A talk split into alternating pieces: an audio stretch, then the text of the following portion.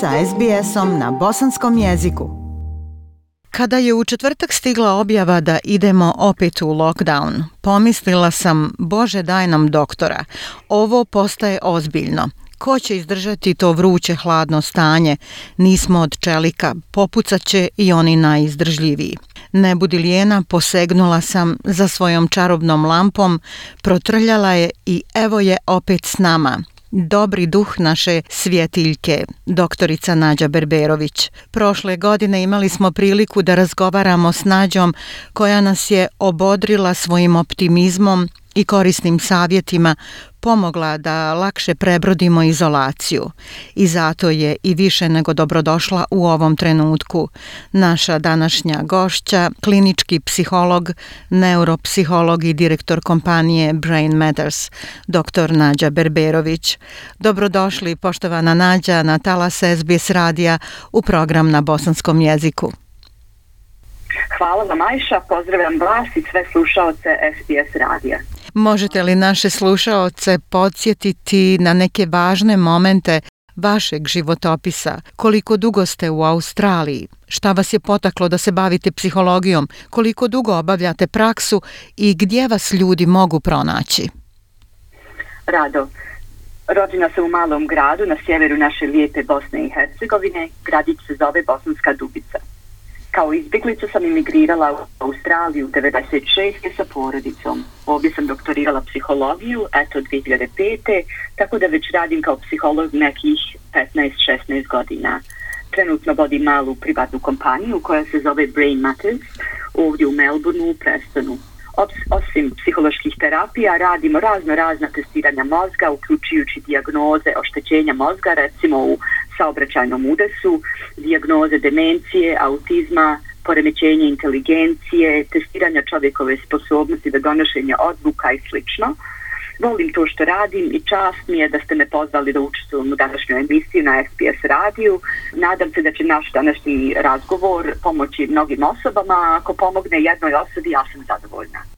Mnogi imaju problema da se nose sa situacijom koju je donijela pandemija. Nezaposlenost, rad od kuće, online nastava za djecu, izolovanost, jednoličnost. Evo sad i šesto zatvaranje. Kako ovu izolaciju da učinimo podnošljivijom, doktorice Berberović? Da su ljudi u, Austraš, u Australiji više traumatizirani zaključavanjima ili takozvanim lockdownima nego sa koronavirusom, jer ako smo iskreni, mi u Australiji nismo ni osjetili koronu. Ali lockdowne smo osjetili više nego ostali kontinenti i stvarno nam je dosta svima. Ne trebam šuriti sa nekim velikim savjetima, e, svima nam je dos, došla nekakva žuta minuta. Međutim, Da bi ovo lakše podnijeli, može biti korisno da analiziramo šta se u stvari dešava. Ovaj osjećaj koji trenutno doživljavamo se na engleski zove languishing. Tražila sam prevod te riječi i našla riječ čamiti, znači mi čamimo. Šala na stranu, ta riječ nije baš idealan prevod jer languishing podrazumijeva da nam se zaustavlja tok nešto u stilu rijeke koja teče pa joj se stavlja brana. Možete zamisliti ako brana odjednom udari na rijeku, voda će se uzdignuti uz tu branu i sprskati sve oko sebe. Te će se nakupljati snažno, ali možemo reći zbunjeno, ne znajući kuda. Tako i mi ljudi reagiramo i to je normalno. Uz to, naš tok je zaustavljen već šest puta, te naši mozgovi osjete nekakvu šemu u tome.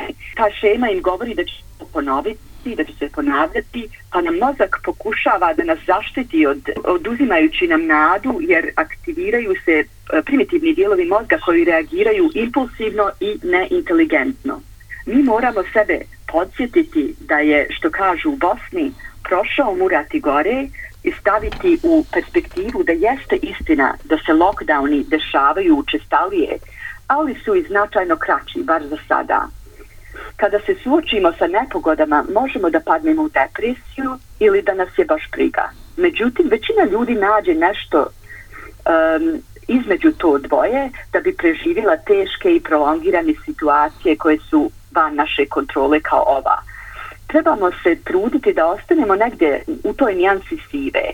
pa da ne padnemo u depresiju, a da nije baš ni da, smije, da nas nije ni briga. Onda ćemo preživjeti, što znači da smo podnijeli. A kako smo to podnijeli, znači svako za sebe. Da li postoje neke tehnike kako da pobjedimo negativna osjećanja, emocije, ljutnje, tjeskobe, nemoći, ogorčenosti, ponekad i panike? Pošto nam ovi lockdowni zaustavljaju tok, oni nam zaustave i ritam. Znači, moramo naći ritam u nečemu drugom. Recimo, napraviti listu stvari koje volimo da radimo kad smo kod kuće. To može da bude u kući crtanje, čitanje, pospremanje, kreativni rad, televizija, u dvorištu uzgajanja voća, povrća, cvijeća, nekakav mali projekat u okolnim parkovima, na ulicama, pješke, na biciklu, uživanje šetnjom, fotografisanje i tako dalje. Znači naći nešto što volimo da radimo i napraviti nekakav novi, ali zdravi ritam koji ponavljamo svaki dan. Znači recimo umjesto da idemo na posao u 8 ujutro, idemo u šetnju svako jutro u to vrijeme u vrijeme koje si odlučimo. Kontakt s osobama koje nam znače ili osobe za koje se brinemo kako su e, je jako važan. Danas mnogi ljudi imaju mobitel telefone i internet te uspostaviti kontakt nije teško. Kontakt ne mora biti fizički da bi bio kontakt. Iako smo u lockdown nismo u potpunom zatvoru, što znači da ona voda koju brana čuva uvijek može da nađe put, jer voda uvijek u stvari nađe put. Znači budimo voda.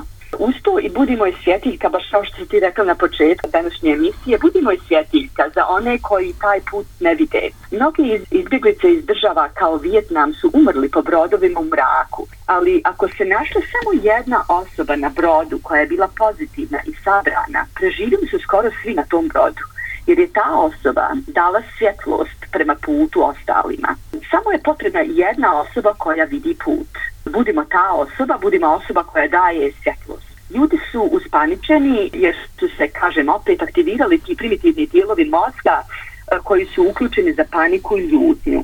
Svaka jaka verbalna reakcija i protivljenje protiv zakona i pravila koja nam daju prouzrokuje još više panike, još više ljutnje u svima nama. Znači, nježno i inteligentno trebamo odgovoriti na svaki lockdown.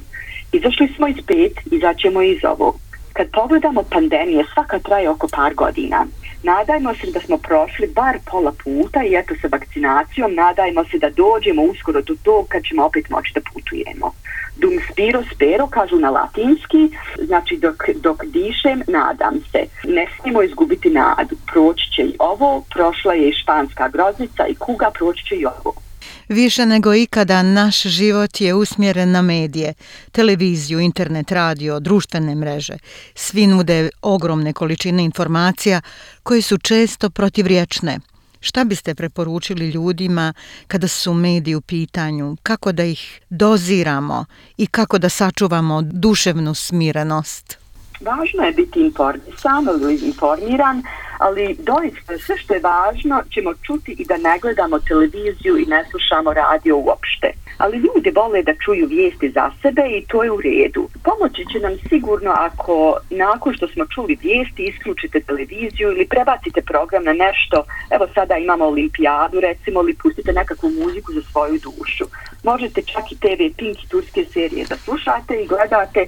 To inače ne bi savjetovala samo zato što ja nisam nekakav ljubitelj, ali Pink i turske serije su bolji od neprestanog slušanja vijesti koje se ponavljaju kao švabo tralala što kažu kod nas kolokvijelno. Hoću reći što manje vijesti to bolje. Vijesti ovih dana uzeti koliko i soli. Samo trun, eto, toliko da malo sebi zasolimo. Šta biste savjetovali ljudima koji restriktivne mjere doživljavaju previše bolno? Činjenica je da mnogi ljudi obolijevaju od depresije. Savjetujem da razgovarajte sa vašim dragim osobama, izjasnite svoje osjećaje riječima. Ako nemate nekoga s kim možete porazgovarati, napišite pismo nekoj osobi. To ne mora čak ni biti neko ko je živ, jer ne morate to poslati, nego ćete to više napraviti da iz sebe izbacite to što se dešava unutra, da to više ne durate. Situacija je doista teška, ima dosta naših ljudi kojima je jedna od glavnih strategija mentalnog opstanka bila to što su putovali u Bosnu i Hercegovinu regularno.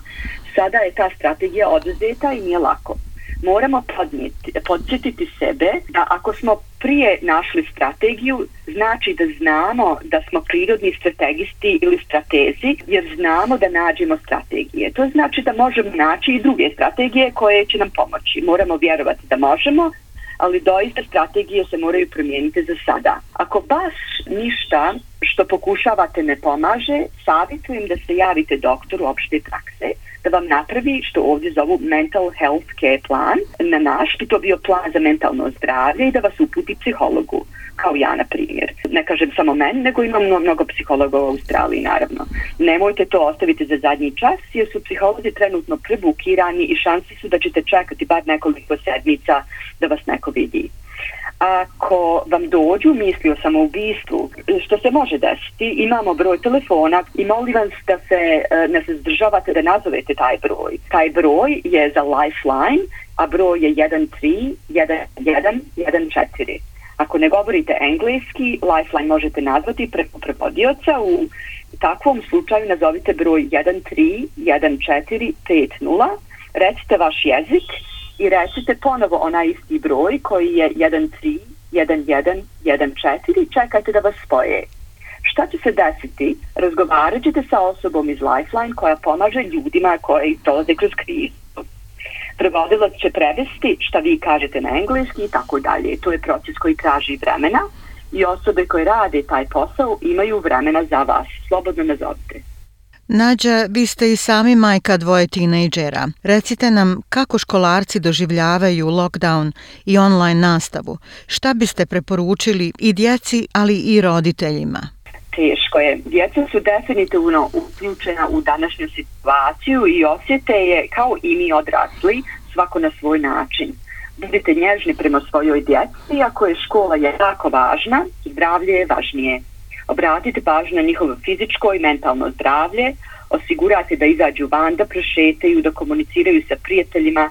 Ako nemaju pristih prijatelja, posvetite im se vi malo više nego inače neka djeca se povuku u svoje sobe, probajte ih uključiti u kućne poslove oko nečega što oni vole, recimo kuhanje ili nešto slično. Uključite ih u igre karata, napravite male nagradne igre, e, gledajte bar važne dijelove olimpijade skup osigurajte da e, ni oni previše ne gledaju vijesti, ne slušaju televiziju da se dešava o koronavirusu i lockdownima, dajte im nadu imate važnu ulogu. Vi ste im primjer ili model koji, e, kako da oni podnose traume u životu.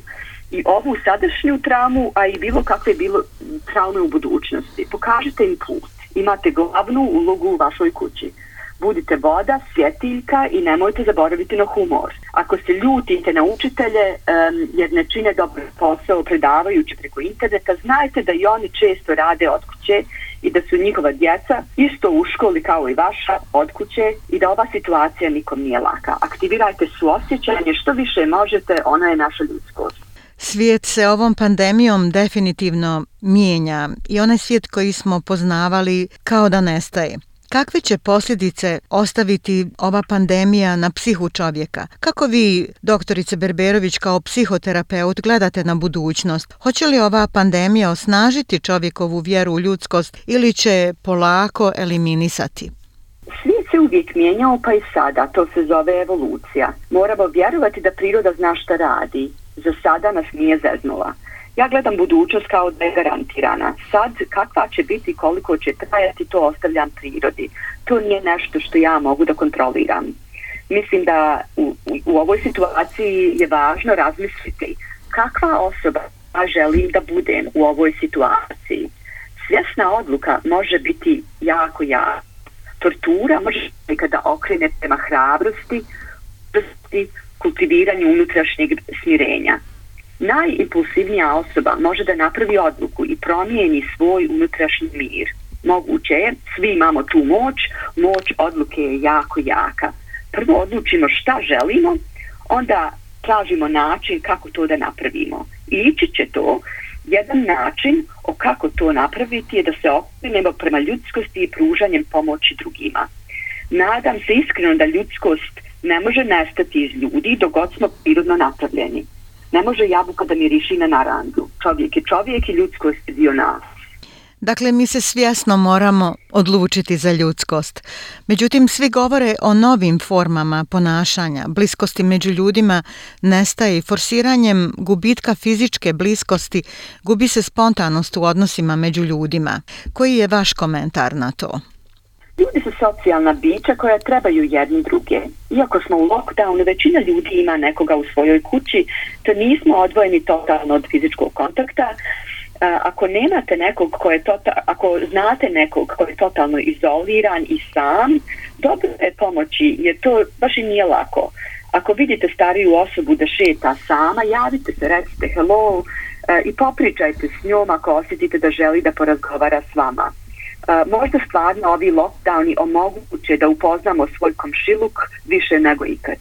Dakle, treba da gledamo onu bolju pozitivnu stranu. Doktorice Berberović, za kraj, koja bi bila vaša poruka slušaocima?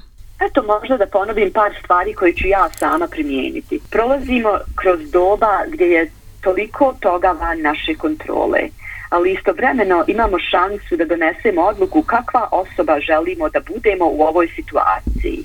Kada si me ti, Ajša, e, kažem ti, nadam se da je to u redu, e, kada si me ti pozvala da razgovaram o ovoj temi na radiju, ja sam ti rekla zašto ja, nemoj mene. Um, pa smo se malo na to i nasmijale. Istinski, prolazimo kroz groznu torturu koja će nas baciti na pod svaki put kad, kada sljedeći lockdown udari ali onda udahnemo i izdahnemo duboko nekoliko puta pa sjednemo i razmislimo kakva osoba ja želim da budem u ovom teškom vremenu. Ja sam odlučila i zato sam tu danas.